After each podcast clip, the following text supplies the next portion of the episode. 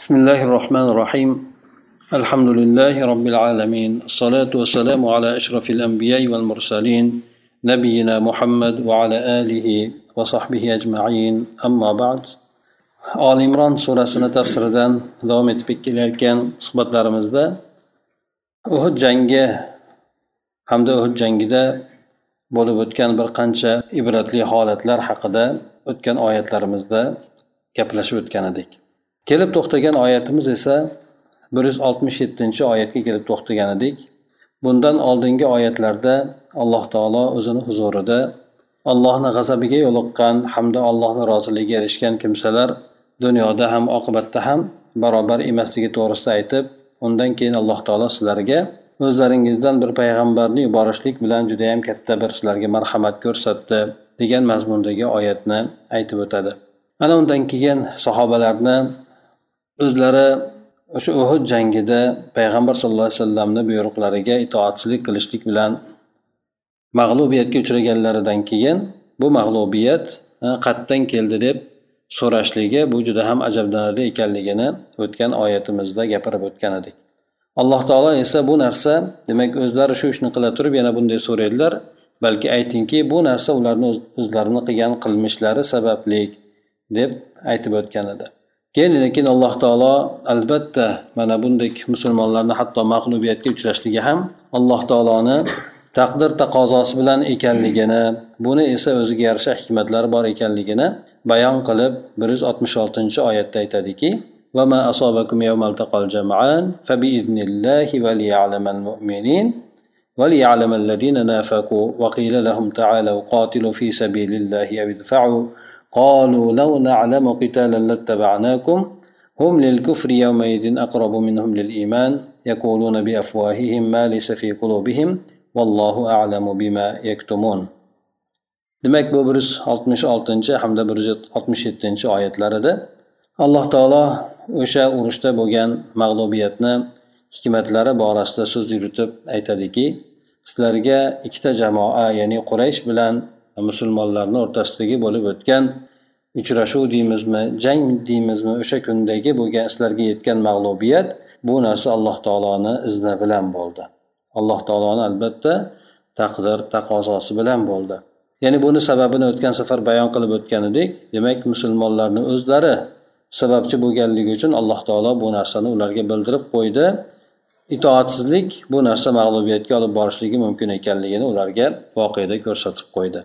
Hamda bo'lar ish bo'lib o'tgandan keyin ya'ni musulmonlar mag'lubiyatga uchragandan keyin alloh taolo ularni ko'nglini ko'ngliga tasalli berishlik ularni yana o'sha jangga ularni qiziqtirishlik intiltirishlik uchun quyidagi bo'lgan oyatlarni bayon qilib o'tadi. Avvalo alloh taolo bu mag'lubiyatga uchragan paytlarida bu holat bilan mo'minlarni ajratib olishlik uchun shunday qildi deydi. Demak buni hikmatlaridan birisi mag'lubiyatga uchragan paytda mo'minlar qanday holatda bo'ladiyu? Shuningdek munofiqlar ham qanday holatda bo'ladi? Mana shu narsani alloh taolo ularni o'ziga ko'rsatib berishlik uchun mana shu narsa yuqorida allohni izni bilan sodir bo'ldi deydi. Ana endi munofiqlarni haqidagi bo'lgan ba'zi so'zlarni aytiladiki alloh taolo قاتلوا في سبيل الله أو ادفعوا قالوا لو نعلم قتالا لاتبعناكم agar endi munofiqlarga aytiladigan bo'lsa kelinglar ollohni yo'lida jang qilaylik yoki bo'lmasa agar sizlar uylaringizda o'tirishlik sizlarni o'limdan to'sib qoladigan bo'lsa unda sizlar o'zlaringizdan o'limni daf qilib ko'ringlar deb turib ularga aytiladi deydi Ya'ni munofiqlar bu yerda quyidagi e, oyatlarda tafsirda mufassir ham aytib o'tadi. Demak munofiqlar bular hamma narsani dunyoga bog'laydigan odamlar. Shuning uchun o'limni ham ular dunyoga bog'lashdi. Dunyoga bog'lashganligini sababi demak jangga chiqmaydigan bo'lsa odamlar o'lmay qolardi degan e'tiqodda edi. Mana shu narsani alloh taolo ularga rad etib aytadiki ha agar shunday bo'ladigan bo'lsa sizlar o'zlaringizdan o'limni daf qilib olinglar. Agar shaharda o'tirishlik sizlardan o'limni qaytaradigan bo'lsa deb aytadi. Mufassir mana bu oyatlar haqida aytib o'tadiki ya'ni sizlarga uhud jangida yetgan qatl qilinishliklar bo'lsin mag'lubiyat bo'lsin bu narsa mo'min jamoasi bilan mushuklar jamoasi uchrashgan kunda bo'lganida bu albatta alloh taoloni qazoi qadari bilan hikmati bilan bo'ldi alloh taoloni sinashligi bilan bo'ldi. Bu bunday sinashlikdan keyin esa sodiq bo'lgan mo'min odam yolg'onchi munofiq bo'lgan odamdan aniq ko'zga tashlanib qoladi. Ya'ni ikkalasi ham ajralib qoladi. Ana shuning uchun alloh taolo mana shunday sizlarga musibatni berdi deydi. Ana undan keyin yana alloh taolo aytadiki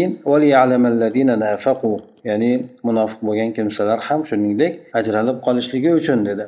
Ya'ni mufassir aytadiki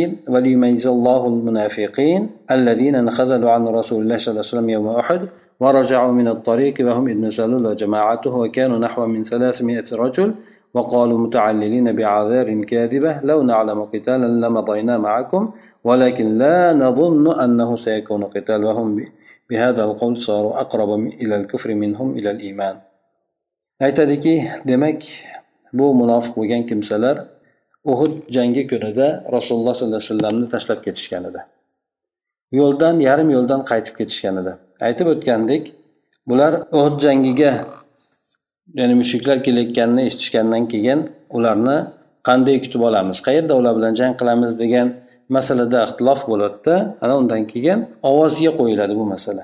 Ovozga qo'yilganda ko'pchilik yoshlar ya'ni ko'pchilik odamlar undan keyin yoshlar ham ya'ni madinani tashqarisida makka mushuklarni kutib olamiz o'sha yerda jang qilamiz deydi. Yoshi katta bo'lgan odamlar esa shuni jumladan munofiqlar ko'pchiligi ya'ni madinani ichida qolamiz. O'sha yerda keladigan bo'lsa shu yerda ularga qarshi jang qilamiz deb aytishadi. Lekin ko'pchilikni ra'yiga payg'ambar sallallohu alayhi vasallam yurib demak tashqarida ularga qarshi jang qilishlikni e, quvvatlab demak ular bilan birga kiyinib ketayotgan paytida munofiqlar aytishadiki e, demak bizni gapimizni olmasdan e, yosh bolalarni gaplarini oldi deb o'sha yarim yo'ldan uch yuzta odam bilan abdulloh ibn ubay qaytib ketadi. Ya'ni jihodga chiqib ketayotgan o'rinda yarim yo'ldan qaytib ketishadi. Shular hammasi o'sha birga qaytganlar munofiq bo'lib ketadi deb aytishadi.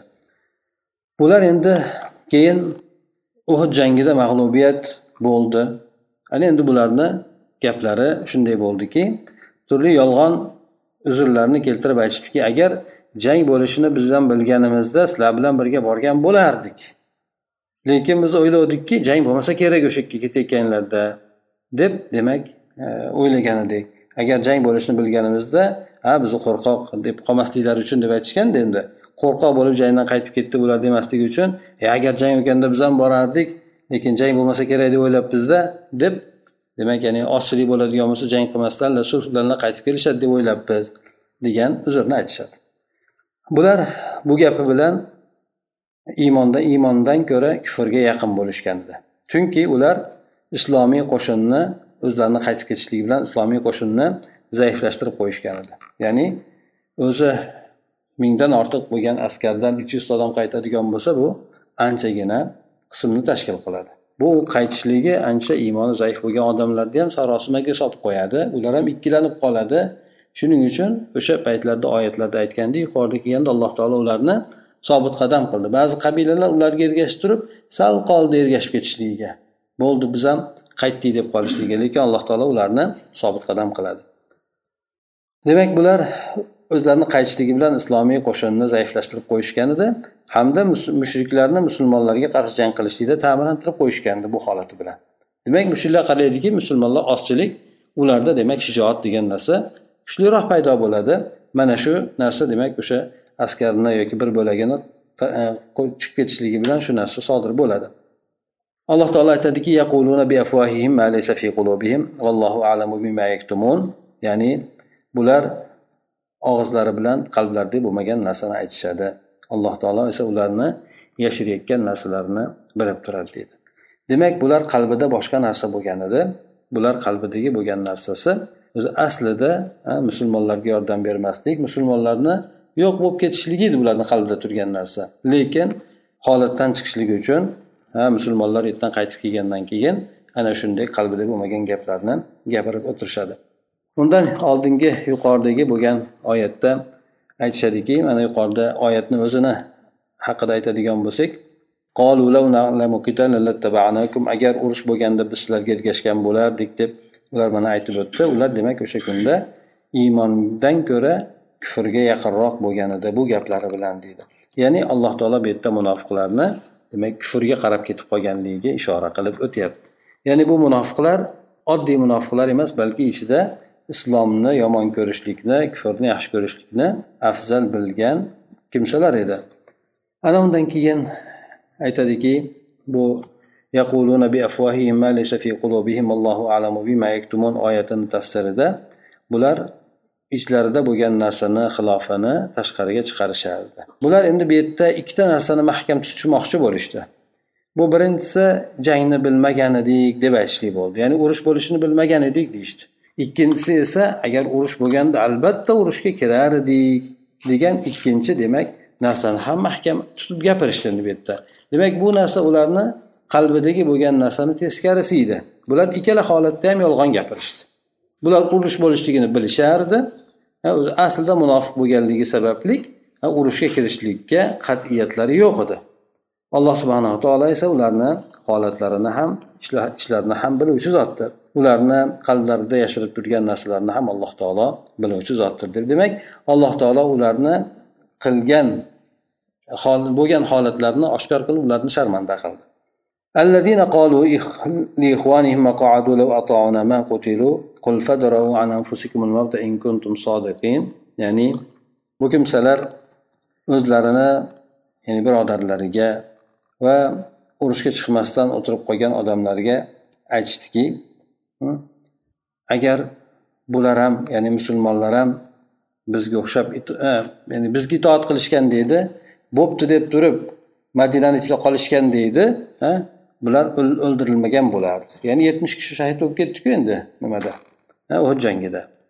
Ana o'shanda demak shunday deb bular gap aytib gap tarqatishadi madina ahlida. Ya'ni e, bizni o'zi o'ylaganimiz to'g'ri bo'lgan edi ko'pchilik bo'lsa ham ular noto'g'ri o'ylashgan edi payg'ambar ham o'shalarga qo'shilib ketib qoldi. Asli mana ha kattalarni gapiga kirmasa nima bo'lishligini mana ko'rdinglarmi deb demak hatto payg'ambarni ham qilgan ishini yoki bo'lmasa ko'pchilikni ham qilgan ishini bir pulga chiqarib demak bizni qilganimizni qilishgan deydi aytganimizni qilishgan deydi bular ha ya'ni o'lmasdan tirik qolgan bo'lardi degan gapni aytishadi. Alloh taolo aytadiki muhammad sallallohu alayhi vasallamga xitob qilib ya'ni agar haqiqatdan shu gapinglarda rostgo'y bo'ladigan bo'lsanglar unda o'limni o'zinglardan qaytarib olinglar deb ayting ularga dedi.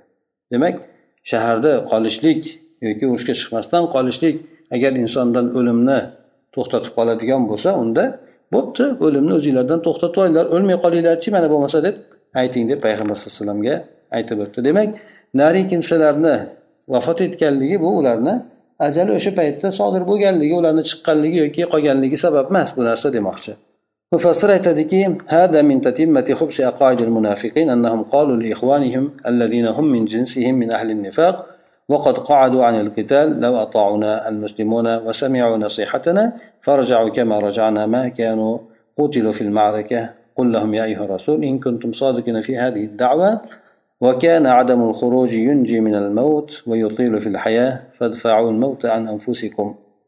ya'ni bu narsa o'sha munofiqlarni aqidalarini yaramaslik ya'ni yaramasligini davom etdi. Ya'ni ularni munofiqlarni yaramas aqidalarini davomchisi yoki bo'lmasa o'shalarni e, yomon bo'lgan aqidalarini to'ldiruvchisidan edi deydi ya'ni bular nima deyishdi? O'zlarini sheriklariga o'sha jinsidan bo'lgan ya'ni munofiqlarga aytishdi. Yana urushdan qolgan odamlarga ham aytishdi uzr bilanmi yoki boshqa holatda qolgan odamlarga urushga chiqmay qolgan odamlarga nisbatan aytishdiki mana bu musulmonlar ham ya'ni ular bizga itoat qilishgan deydi nasihatimizni quloq solib eshitishgan deydi. Bular bizga o'xshab yoki bo'lmasa qaytib ketishgan deydi. Yarim yo'ldan nariyoqga bormasdan jangda o'ldirilmagan bo'lardi bular deb demak shunaqa gaplarni tarqatishdi.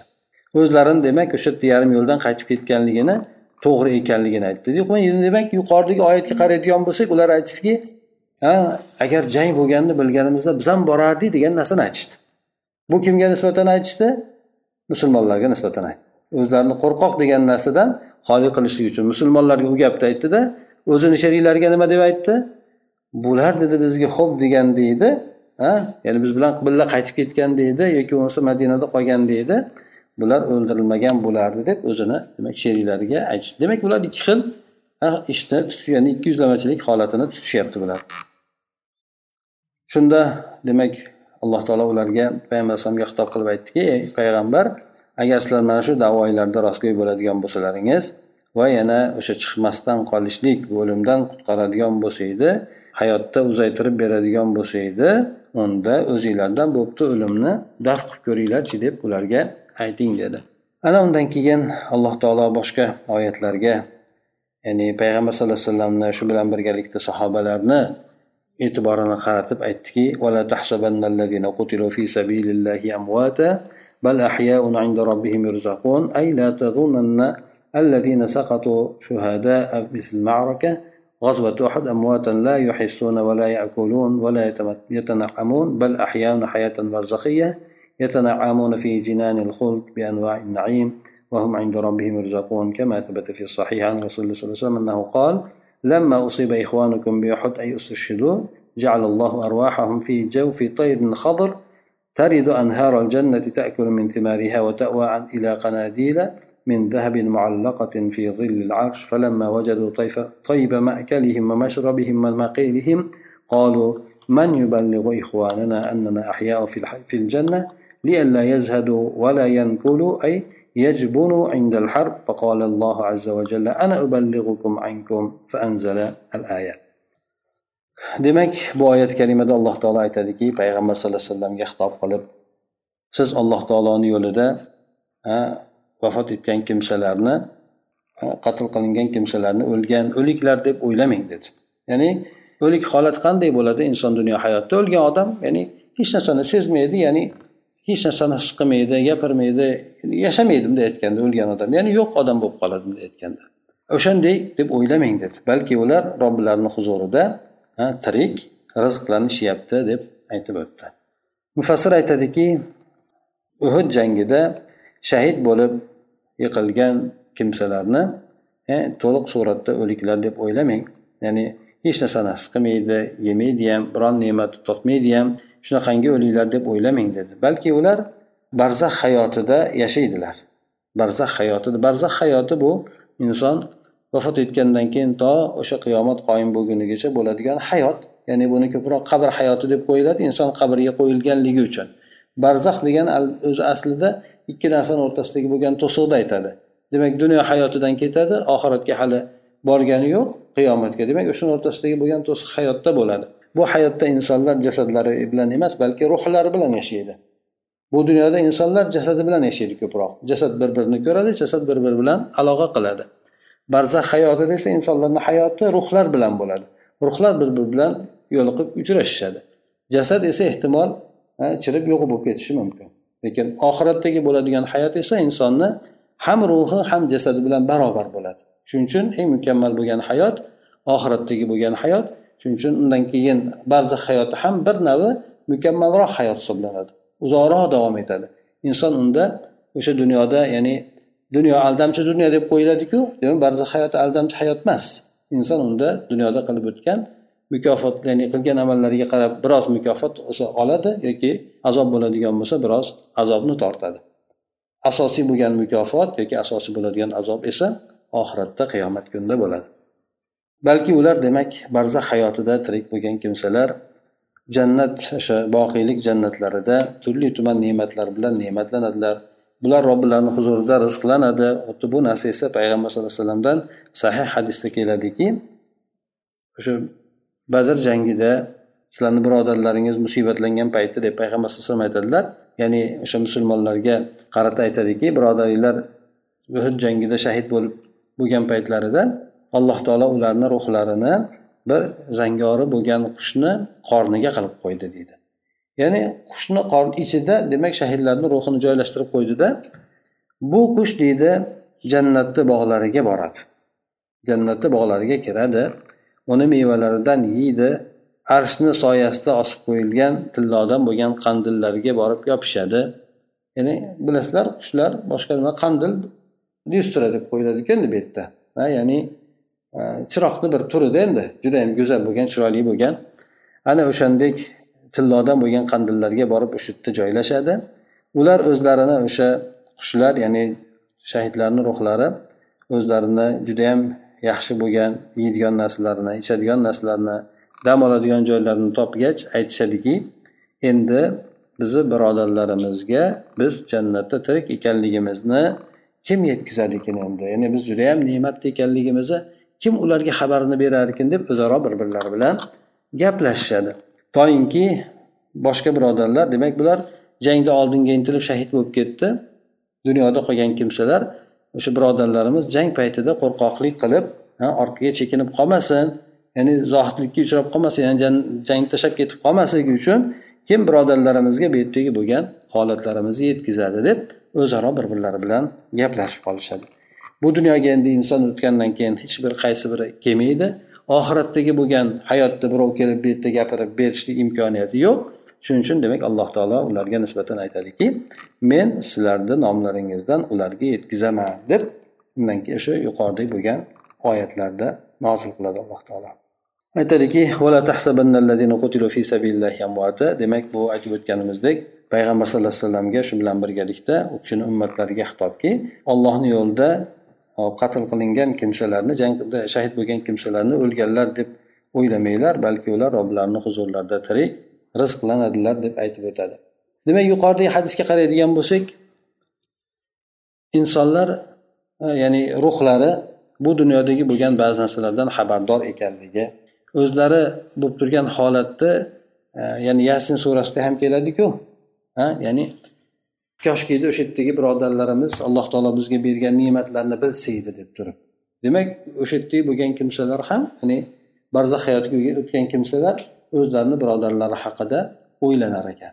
Shuning uchun bundan yana bir keladiki ba'zi o'rinlarda insonlarda ruhlari barzax hayotida uchrashishligi to'g'risida bir hadisda keladi. Ya'ni inson bu dunyodan o'tib borgan odamni yaqinlari yerda kutib oladida o'rtada gaplashish asnosida dunyo bo'lgan holatlardan so'raladi shunda falonchi pistonchilar haqida so'ralgan paytda ular o'tib ketgan u deb aytiladi. Kelmadimi deganda e biz tomonimizga kelmadi bo'lmasa u tomonga ketibdida ya'ni yaxshi bo'lmagan odamlarni ruhlari ketadigan tomonga ketibdida deb demak achinish bilan aytishadi. Ya'ni bu ruhlar nimada barzax hayotda bir biri bilan yo'liqib uchrashishadi lekin bu to'g'risida bizga judayam oz ma'lumot berilgan. Bu dunyoda demak nima? Bu dunyodan ko'ra insonni harakat qiladigan tasarruf qiladigan nimasi kengroq bo'ladi. Mana aytib o'tganimizdek ba'zi mana e, shahidlarni ruhlarini qushni e, ichida bo'ladida shu bilan jannat bog'larida nima qilib yuradi deydi. Yoki bo'lmasa qabrda bo'ladigan jasadi yotgan paytda ham juda yam ularga qattiq ko'p rohat bo'ladi. Hatto jannatdan ularga tuynuklar ochib qo'yiladi jannatni islaridan shabodilaridan kelib turadi. yana esa ba'zan chiqib turishligi bo'ladi insonlarni ruhlarini harakatlari bo'ladi lekin ular to'g'risida aytib o'tganimizdek judayam bizga qisqa ma'lumot berilgan buni abu dovud rahmaulloh rivoyat qilgan ekan yuqoridagi bo'lgan hadisni ana undan keyin alloh taolo aytadiki فرحين بما آتاهم الله من فضله ويستبشرون بالذين لم يلحقوا بهم من خلفهم ألا خوف عليهم ولا هم يحزنون ular ya'ni o'sha shahid bo'lib ketgan kimsalar alloh taologa ular Э, alloh taolo ularga bergan fazli marhamati bilan judayam xursand bo'lishadi. Alloh taolo judayam ularni ikrom qiladi. Ular yana o'zlariga ortidan yetib boradigan kimsalar bilan ham xursand bo'lishadi. Ya'ni ularga xursandchilik xabarini berishlikni xohlashadi. Aytmoqchi bo'lishadiki bizlarga hech qanaqangi xavf xatar yo'q ekan hech qanaqangi qayg'u g'am degan narsa yo'q ekan deb ularga o'sha xabarlarni berishib ularni ham xursand qilishmoqchi bo'lishadi. مفسر ايتاديكي بلار مسرو أي مسرورين بما هم فيه من النعيم والسرور مما أكرمهم الله به من فضله ويفرحون لإخوانهم الذين لم يقتلوا في الحرب بما سيكون عليه من النعيم والسرور إذا استشهدوا في سبيل الله كأنهم يتمنون لهم نيل الشهادة ليحصل على النعيم الخالد في حياة برز هنيئة لا يكدرها خوف ولا حزن. Demak bular alloh taolo tomonidan ularga beriladigan ne'matlar xursandchiliklar bilan judayam quvonchdadir judayam shod xurramdir bu narsa esa alloh taolo ularga beradigan fazli marhamatlardan bir bo'lagi xolos. Hali hammasini bergani yo'q chunki barzax hayotda aytib o'tganimizdek bir bo'lak ne'mat beriladi xolos ularga. Yana bular jangda hali e, qatl qilinmagan birodarlari uchun ham ular uchun bo'ladigan ne'mat xursandchiliklarga ham xursand bo'lishadi. Ya'ni birodarlarimiz keladigan bo'lsa ularga ham shunaqa ne'mat bo'lar ekan deb ular uchun ham xursand bo'lishadi. O'zlari uchun berilgan ne'matdan ham xursand bo'ladi hamda o'zlari bilan birga dunyoda bo'lgan birodarlari agar jangda shahid bo'lib boradigan bo'lsa bularga ham shunday ajoyib ne'matlar yetar ekan deb turib ular xursand bo'lishadi deydi. Go'yoki ular uchun ham shahidlikka erishishlikni ular orzu qilishadi. Doimki abadiylik ne'matida ya'ni jannatlarga erishishligi uchun deydi. Ya'ni hech qanaqangi qo'rquv ham qayg'u g'amlar ham bulg'amaydigan judayam bir xotirjam bir hanian degani judayam bir xotirjam yoki bo'lmasa rohatda bo'lgan farovon bo'lgan hayotga erishishligi uchun o'zlaridan keyingi shahid bo'ladigan e, o'zlaridan keyingi kimsalar uchun ham shahidlikni ularga ham orzu qilishadi deb aytib o'tadi mufassir.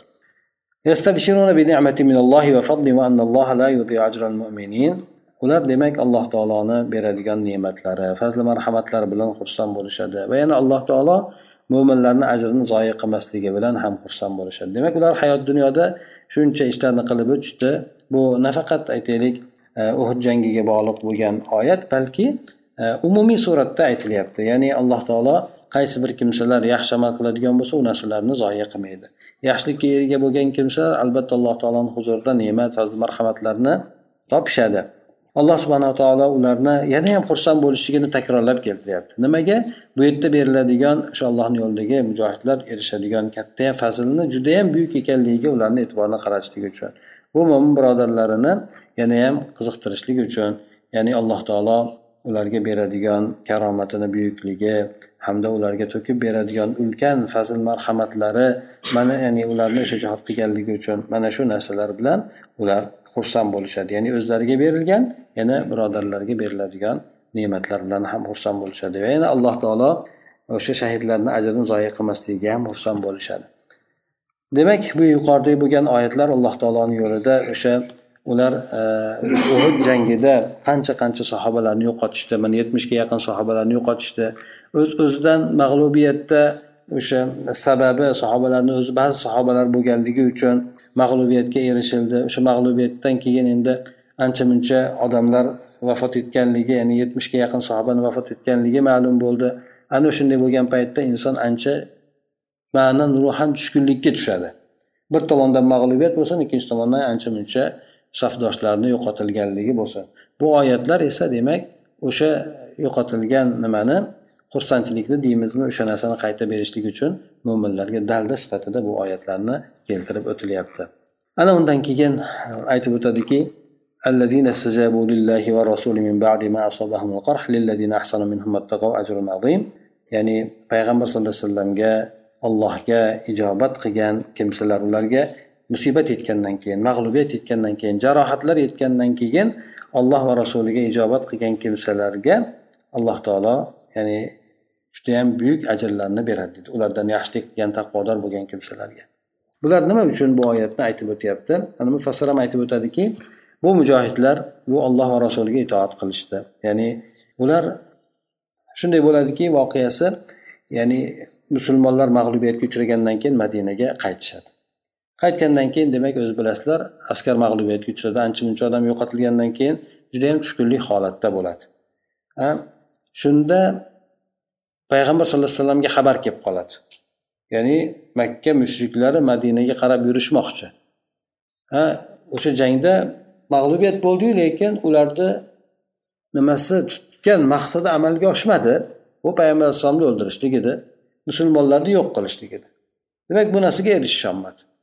Ana o'sha narsani amalga oshirishlik uchun madinaga hujum qilishlik niyatida turishibdi ekan shunga jamlanishib shu yerga kelyapti ekan deb e, demak gap tarqaladi.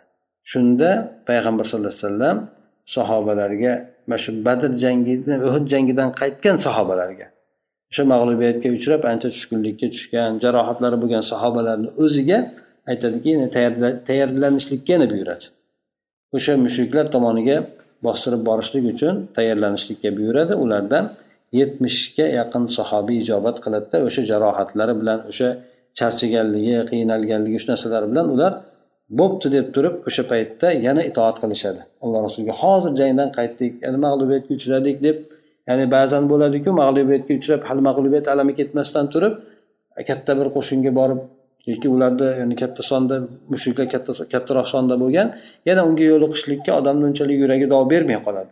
Lekin bular e, alloh rasuliga itoat qilishdi ijobat qilishdi. Ana uning uchun ular uchun alloh taolo itoat qilganligini o'zi uchun katta ajrlar bor deb alloh taolo bu oyat karimada aytib o'tyapti. Ya'ni bu mujohid bo'lgan kimsalar alloh va rasuliga itoat qilishdi. Ular judayam qattiq bir balolarni totishgandan keyin ularga o'z jangida jarohatlar yetgandan keyin alloh rasuliga itoat qilishdi. Rasululloh alayhivasallam ularni oh, hamron asad degan joyda o'sha mushuklarga qarshi kurashishlikka ularni chiqishlikka chaqirdi. Chaqirgan paytida ular payg'ambar alayhisalomga itoat qilishlikka buyruqlariga ijobat qilishlikka shoshilishdi. Ha payg'ambarni buyrug'iga itoatchilik nimaga olib kelganligini ular ko'rishdi. Shundan shoshilib qolishdi. Ya'ni ular o'zlarida bo'lgan jarohatlar bo'lsin qiyinchiliklarga qaramasdan turib. Ana ular uchun o'sha qilgan jihodlari hamda fidokorliklari uchun alloh taolo tomonidan judayam katta ajrlar bordir bu jangni qissasi shu bo'ladiki bu ham hamroil asad deb ataladi. Bunda payg'ambar sallallohu alayhi vasallam madinai munavvaraga qaytgan paytlarida o'sha musulmonlar e, rasululloh sollallohu alayhi vasallamni buyrug'iga itoatlik qilganligi sababli mag'lubiyatga uchragandan keyin e, madinaga qaytishgan paytlarida mushriklar bir birini malomat qilib qolishadi. Ba'zilari ba'zilariga aytadiki e bir ishni narsa ham qilolmadinglaru qo'llaridan kelmadi deb ya'ni musulmonlarni e, kuchini kuchiga yetdinglaru ya'ni ularni kuchini sindirdinglaru lekin ularni tashlab qo'ydinglar tag tugi bilan yo'q qilib tashlamadinglar deb bir birini malomat qilib qolishadi. Shunda endi musulmonlarni to'liq suratda yo'q qilishlik uchun madinaga qaytishga ular qasd qilib qolishadi.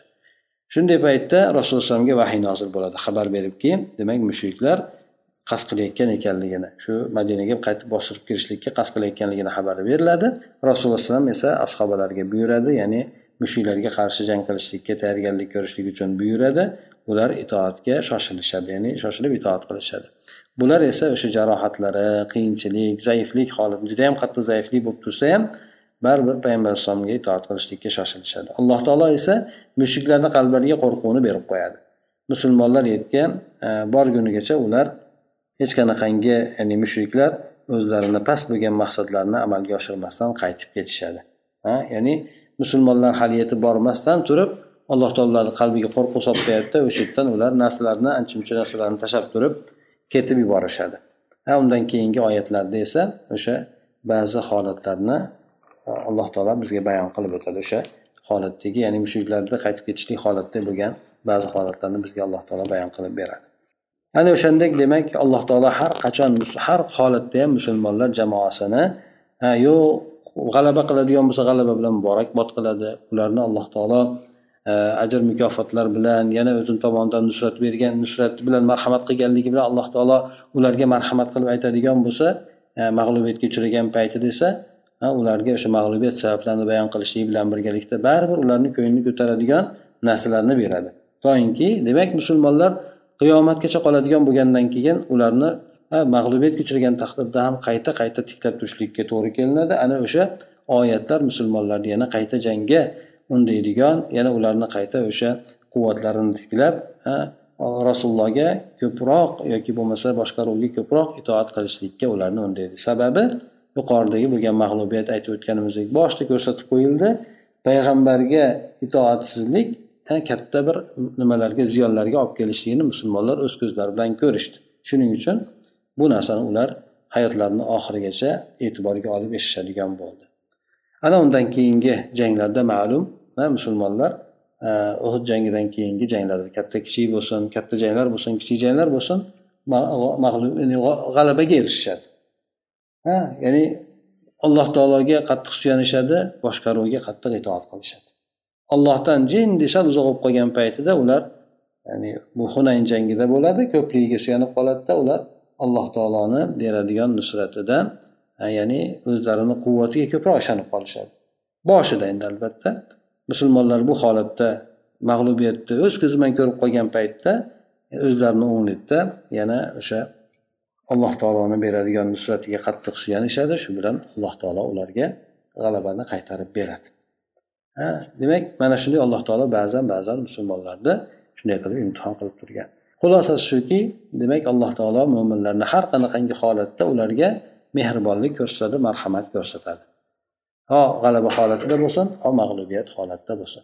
Shuning uchun shunday oyatlarda nozil bo'ladiki ha ya'ni sizlar qayg'urmanglar g'am chekmanglar albatta sizlar ustunsizlar mo'min bo'ladigan bo'lsalaringiz deb alloh taolo aytib o'tadi. Demak bu ham mo'minlarni yana shijoatlantiradigan quvvatlantiradigan oyatlardan bo'ladi سبحانك اللهم وبحمدك نشهد أن لا إله إلا أنت نستغفرك ونتوب إليك. اللهم انفعنا بما علمتنا وعلمنا ما ينفعنا وزدنا علما.